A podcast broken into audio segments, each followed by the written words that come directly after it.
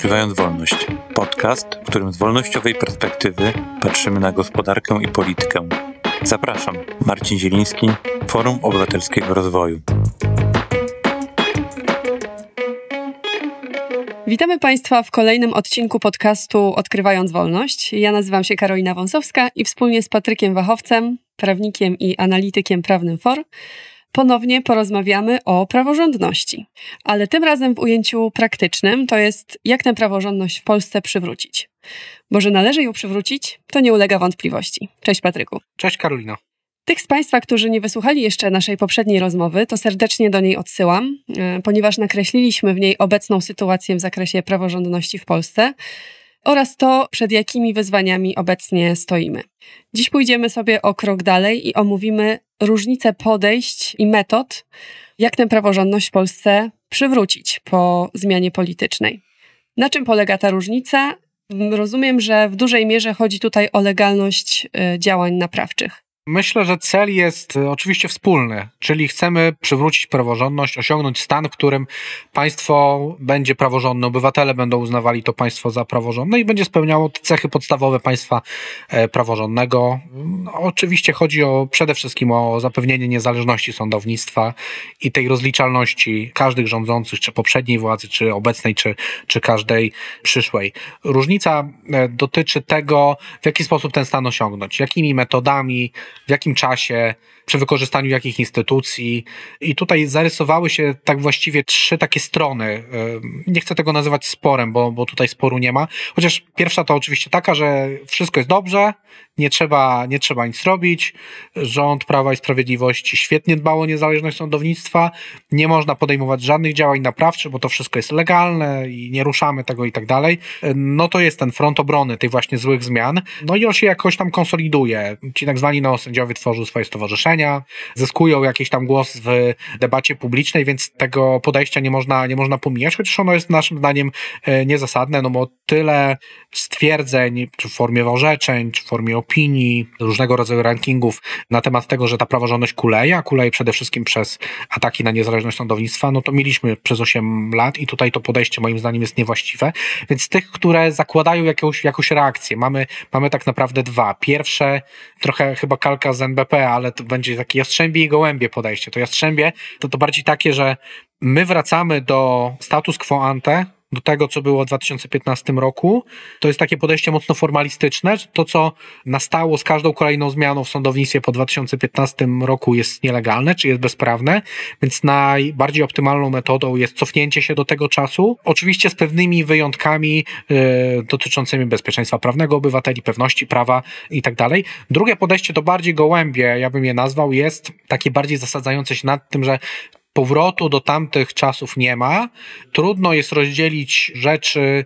Oczywiście są rzeczy, które były legalne i które były nielegalne, ale jest też rzeczy takich na granicy albo troszeczkę legalnych, troszeczkę nielegalnych. I my, jakby z praktycznej takiej perspektywy, czy bardziej z pragmatycznej takiej perspektywy, trudno nam jest jakby wyselekcjonować tą całą sekwencję, cofnąć ją do odpowiedniego momentu i, i w ten sposób prowadzić reformy, więc lepiej pójść trochę naprzód, pójść na pewnego rodzaju, ja nie chcę tego nazwać kompromisami, bo to kompromisy nie są, pójść na pewnego rodzaju ustępstwa dla tych wyższych wartości, takich jak właśnie pokój społeczny, trochę ta demokratyczna legitymacja i zachowanie tych podstawowych zasad praworządności. I te metody, no, spór, no, no zostawmy już to słowo spór, zasadza się na jednym, co zrobić z tak zwanymi neosędziami, czyli osobami powołanymi na wniosek Krajowej Rady Sądownictwa w obecnym składzie, o której, jak mówiły europejskie trybunały, ten organ produkuje, można powiedzieć w cudzysłowie, sędziów niespełniających kryteriów konwencyjnych czy, czy unijnych. I to podejście Jastrzębie mówi, mówi tak. Stwierdzamy, że te osoby nigdy nie nabyły statusu sędziego, czyli nie zostały awansowane, nie zostały powołane po raz pierwszy do, do sądu. Ich stosunek uznaje się za nienawiązany, tak mówią niektóre projekty czy niektóre mm. propozycje co do tego stosunku służbowego. A skoro jest nienawiązany, no to powtarzamy konkursy. Ale w imię bezpieczeństwa prawnego obywateli orzeczenia wydane przez te osoby, których stosunek się nie nawiązał, jednak zostają.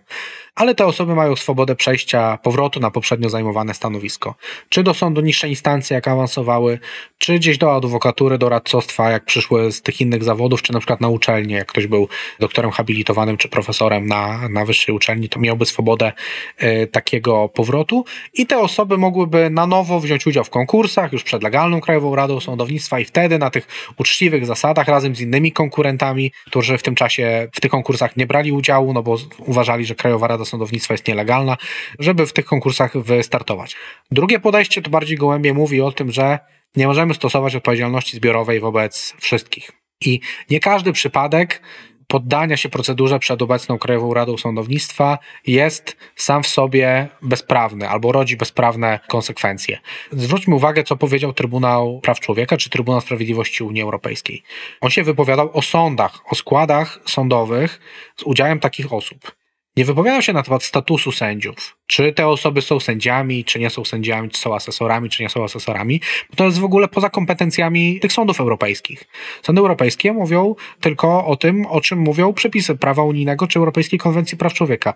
Jeżeli mówimy, że mamy zapewnić prawo do sądu, to z perspektywy unijnej czy konwencyjnej to nie ma znaczenia, czy tam w tym składzie będzie zasiadał sędzia, asesor, yy, jakiś tam arbiter, czy jakkolwiek sobie nazwiemy taką osobę, bo to jest nieistotne. Chodzi o to, że ten organ w całości, który te osoby tworzą, no ma być sądem po prostu w rozumieniu, w rozumieniu konwencji. Więc to gołębie stanowisko proponuje indywidualne podejście do tych osób i oczywiście im ten sąd był wyżej w hierarchii, tym oczywiście bardziej surowe powinny być te zasady, no bo to jest oczywiście pewna wiedza prawnicza, pewne doświadczenie. Też im później w czasie, im więcej tych wyroków europejskich trybunałów do nas docierało, tym była jakby większa świadomość tego, że ktoś bierze udział w tej nielegalnej procedurze, więc, więc to jest kolejny taki czynnik. No i tutaj, czy to sąd, czy jakaś przyszła legalna KRS, no powinna zbadać, czy ta osoba miała świadomość tego, że bierze udział w nielegalnej procedurze, do jakiego szczebla sądu chciała awansować, no i wtedy od niej e, jakby wyciągać konsekwencje tego jej zachowania. To oczywiście komplikuje sprawę, no bo tutaj można jednym przepisem to właściwie załatwić, tutaj trzeba, trzeba tych postępowań trochę, trochę przeprowadzić. No mówimy o około dwóch tysiącach osób mniej więcej, które trzeba byłoby w taki sposób jak to mówią zwolennicy tego poglądu, zweryfikować. Oczywiście to proste nie będzie, ale jest ten mocny argument moim zdaniem tej odpowiedzialności zbiorowej. No i zobaczmy też jeszcze na te różnice. Tam w tym podejściu Jastrzębim słyszeliśmy, że te osoby nie nabyły statusu sędziego, ale orzeczenia się ostają tych niesędziów chyba, nie wiem jakich, moim zdaniem chyba trzeba konsekwentnie ich wtedy nie sędziów nazywać. W tym przypadku te osoby sędziami były, ale zostały powołane wadliwie, więc jakby nie ma tego błędu logicznego, że ich orzeczenia się mogą ostać, no bo się mogą, mogą ostać, tylko my i w każdym z tych podejść y, obywatele pokrzywdzeni będą mieli prawo do wniesienia jakiegoś środka odwoławczego w jakimś tam zakreślonym terminie, żeby można było w razie potrzeby te orzeczenia wzruszyć, no ale miejmy też świadomość tego, że są niektóre rodzaje rozstrzygnięć sądowych, które e, no trudno będzie wzruszyć.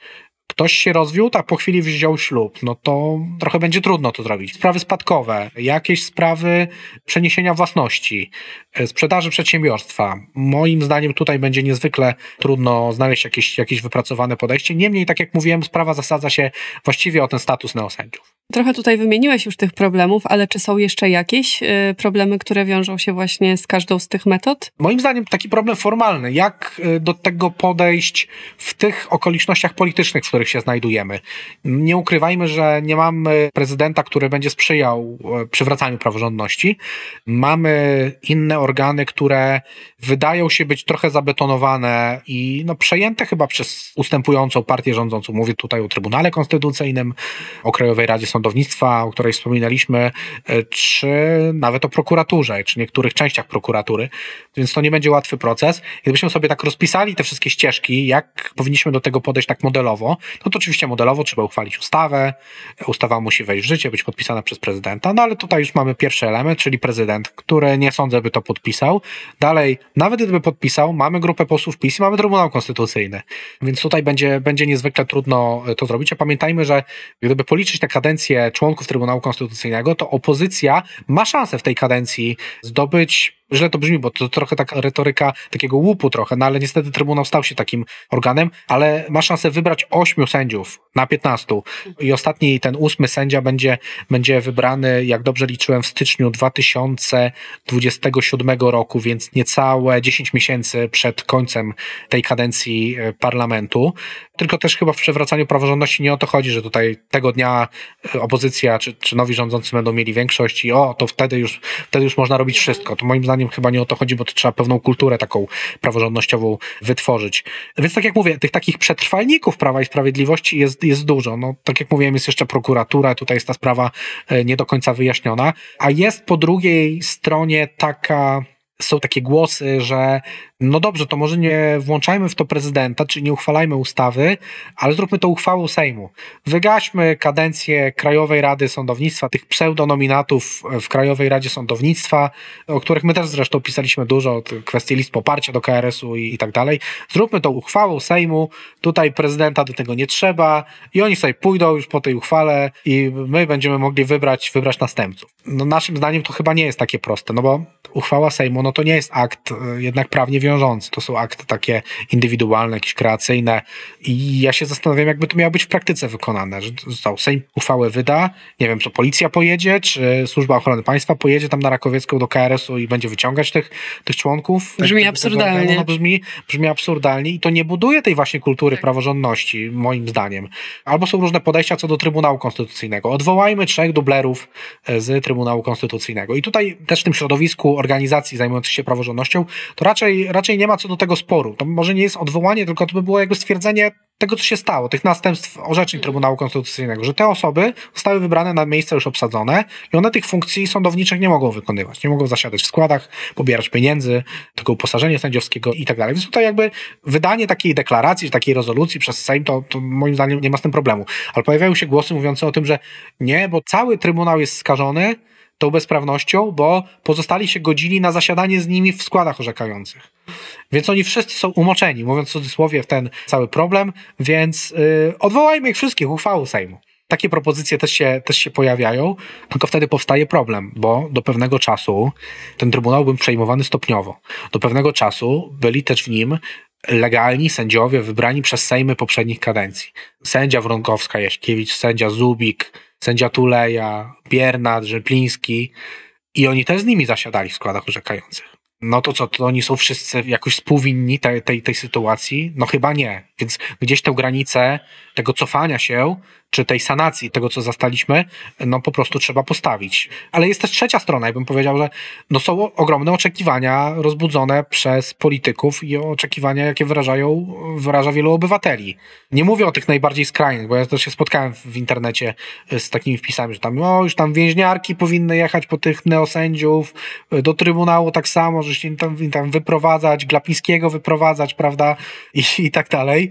No ale jest jakieś takie oczekiwanie, że i, i myślę, że może być być pewnego rodzaju e, rozczarowanie elektoratu, że nie wiem, tu mija trzeci rok tych rządów, a tu się nic nie dzieje. Tutaj Trybunał Przyłębski sobie dalej rządzi, już Przyłębski wtedy nie będzie, Święczkowskiego na przykład, sobie dalej rządzi. KRS tam próbuje jakiś tam sędziów, no sędziów powoływać, bo minister sprawiedliwości, przypomnijmy, może nie ogłaszać konkursów na wolne stanowiska sędziowskie. Mhm. Więc tutaj ten minister sprawiedliwości będzie miał tu przewagę nad KRS-em, że zatrzyma przynajmniej w znacznej części tę, tę produkcję tych neosędziów, ale że oni zostaną i oni tam dostają te wynagrodzenia co miesiąc, będzie, będzie się taka frustracja w społeczeństwie rodziła, że jak to, myśmy zagłosowali, jest rząd, jest parlament, większość i, i co, i nic? Prawda? To będzie strasznie trudne do pogodzenia i naprawdę wymyślić metodę, która by pogodziła te wszystkie sprzeczne interesy, które ja pokazałem teraz w ciągu ostatnich minut, będzie strasznie trudno. Moim zdaniem jednej recepty takiego planu na dzisiaj nie ma i być nie może, bo wszystko zależy od dynamicznie zmieniającej się sytuacji. Może prezydent będzie chciał, nie wiem, po zakończeniu swojej kariery gdzieś e, być e, zakotwiczony w instytucjach międzynarodowych, będzie miał lepsze stosunki z rządem, który może mu tę posadę załatwić i może, może będzie bardziej przychylny, a to już zmienia jakby całą sytuację. E, może w Trybunale Konstytucyjnym legalni sędziowie może pójdą po rozum do głowy i, i zobaczą, że może nie ma co rzeczywiście ryzykować swojej przyszłości, tylko zachowywać się tak jak na sędziego Trybunału Konstytucyjnego przystało. Różnie może być, mhm. naprawdę może być różnie. A może się okazać, że nie wiem, Trybunał Praw Człowieka kiedyś orzeknie za 3 czy za 4 lata, że skończyło się to okienko na przywracanie praworządności i ci nielegalnie powołani, oni już tworzą składy sądów, no bo państwo miało tyle czasu, żeby naprawić ten problem, nie naprawiło, więc trzeba niestety już tę sytuację zaakceptować i to jest niewykluczone, że tak się stanie. Więc tych konstelacji to jest mnóstwo, żadna nie jest dobra, ale warto naprawdę się nad nimi zastanawiać, nawet nie jako ćwiczenie intelektualne, yy, tylko jako element bardzo ważnego procesu, unikalnego w skali Europy, który my teraz doświadczamy i na pewno budujący standardy dla innych państw na przyszłość. Wierzę, że Węgry kiedyś wyjdą z tego kryzysu praworządności i demokracji. Przecież mamy państwa aspirujące do Unii Europejskiej, Ukrainę, Gruzję, które też muszą zrobić duże reformy i Polska tu będzie pionierem tego, jak praworządnie przywracać praworządność. A Twoim zdaniem, którą metodę powinni wybrać politycy? Oczywiście nie jestem politykiem i tutaj w grę też wchodzą interesy takie mało, mało powiązane z praworządnością. Poparcie wyborców, różnych grup nacisku, pozycja w partii politycznej, więc y, ja też nie zazdroszczę tym, którzy będą twarzami tego przywracania praworządności. Pan profesor Bodnar no to y, no, nie jest człowiekiem partii, y, jakby społeczeństwa obywatelskiego tak naprawdę, więc, więc on nie ma gdzieś tam tych takich głosów z tyłu, czy tych różnych grup nacisku, które by mogły wpływać na niego, że dobrze, to może tutaj na ostrzej, tutaj na, na bardziej na miękko i, i tak dalej. Ja jestem jednak bardziej za tym, jeżeli chodzi o tych neosędziów, jestem zwolennikiem tego gołębiego podejścia.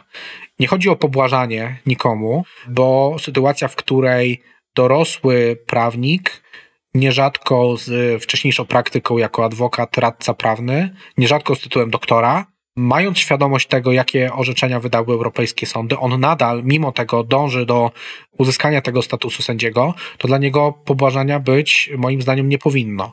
Ale państwo praworządne, państwo e, respektujące zasady te, na które się w tym kręgu zachodnim umówiliśmy, no to jednak zapewnia mu indywidualny proces, indywidualną decyzję, czy jesteś ok, czy jesteś nie ok, a jakby degradowanie wszystkich jedną ustawą może jest, jest skuteczne, ale ono też brzydko wygląda. Ono przypomina i dla wielu będzie przypominało to, co robiło Prawo i Sprawiedliwość, jak wysyłało sędziów Sądu Najwyższego na wcześniejszą emeryturę, jak zwalniało prezesów sądów, jak zwalniało członków legalnej Krajowej Rady Sądownictwa.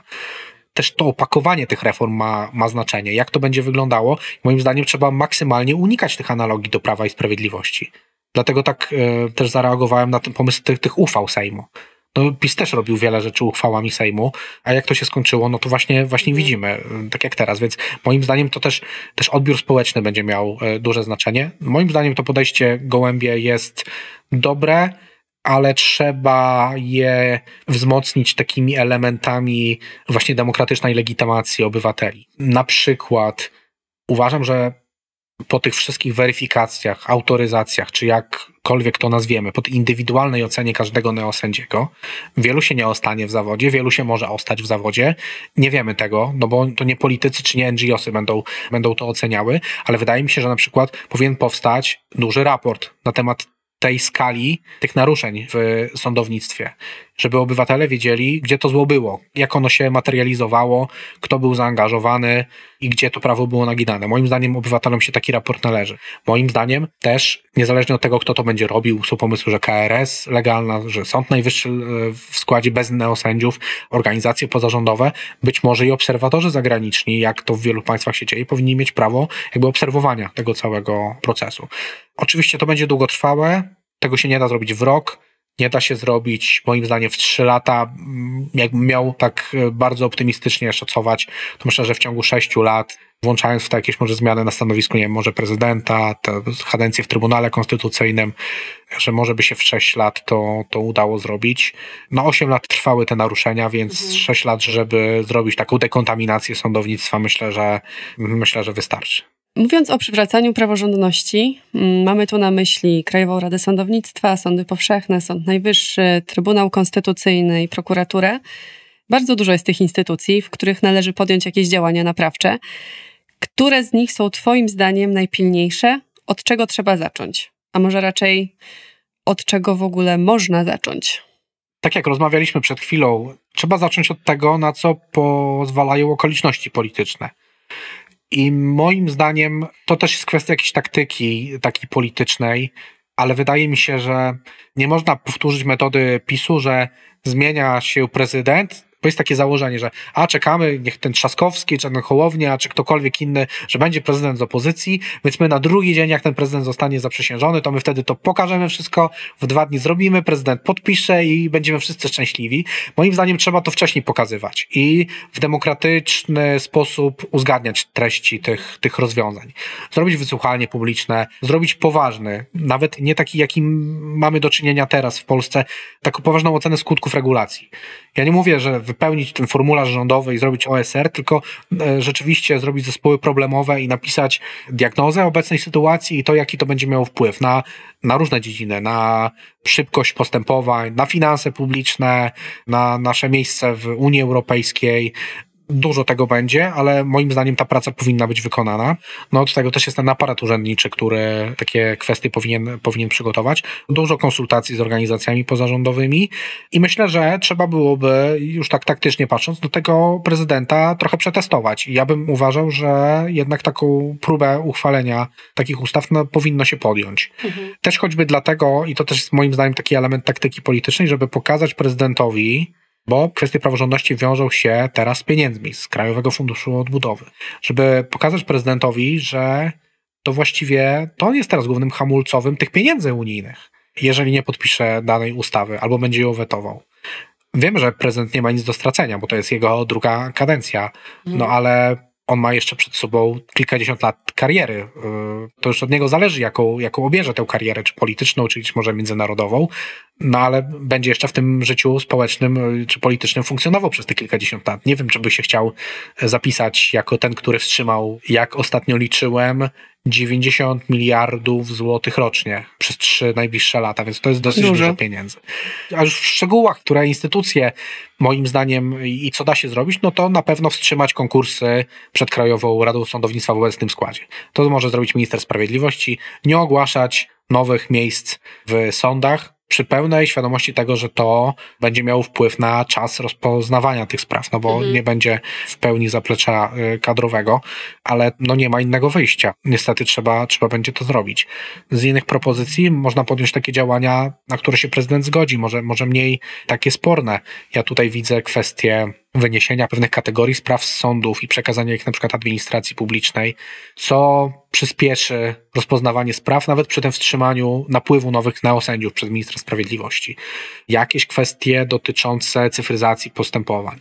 Więc można jakby ten chaos e, wywołany e, próbami naprawy praworządności, no bo będą pewnie jakieś efekty uboczne, można próbować w jakiś sposób ograniczać takimi kwestiami proceduralnymi, trochę ustrojowymi, na które myślę, że cały Sejm powinien się zgodzić, no bo nie sądzę, by byli przeciwnicy tego, że można składać pisma drogą elektroniczną do sądów i liczba tych czynności do wykonania w sądach maleje wtedy radykalnie. Albo tego, że niektóre sprawy, może, może niektórych spraw, może sądy nie powinny rozstrzygać, bo to nie są sprawy stricte sądowe. Mówię tutaj o kwestiach, nie wiem, spółek albo jakichś takich bezspornych rozwodów, co w innych państwach robią chociażby notariusze, a już niekoniecznie sądy.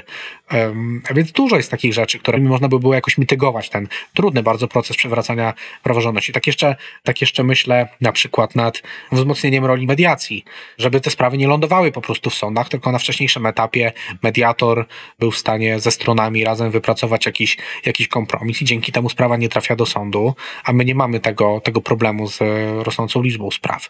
Więc to będzie szereg takich działań, które należałoby podjąć. Z innych tematów, no prokuratura. I tutaj PiS podjął próbę zabetonowania tej prokuratury, czyli podjęcia takiej decyzji, aby to prokurator krajowy aktualny odpowiadał głównie za sprawy kadrowe w prokuraturze, a prokurator generalny był generalnie chyba takim figurantem już teraz na szczycie prokuratury. Zobaczymy, co da się zrobić. Moim zdaniem to będzie zależało też bardzo od charyzmy ministra sprawiedliwości, prokuratora generalnego. Oczywiście model docelowy jest taki, moim zdaniem, aby te funkcje rozdzielić, aby polityk czynny nie był prokuratorem generalnym. Niekoniecznie chyba się to da za obecnego prezydenta, żeby, żeby ten model cofnąć, więc tutaj będzie będzie kwestia siły przebicia i charyzmy ministra sprawiedliwości, prokuratora generalnego, na ile on będzie w stanie pozwolić zabrać sobie tych kompetencji od e, prokuratora krajowego, bo pamiętajmy nadal, że jednak hierarchia jest odwrotna, że to prokurator generalny sprawuje nadzór nad prokuratorem krajowym, a nie odwrotnie. Patryku, dziękuję Ci bardzo za rozmowę. Dziękuję. Państwu dziękuję za uwagę i nieustannie zachęcam do zaobserwowania podcastu i puszczania go dalej w świat, aby dotarł do jak największej liczby nowych słuchaczy. Do usłyszenia już wkrótce w nowym odcinku.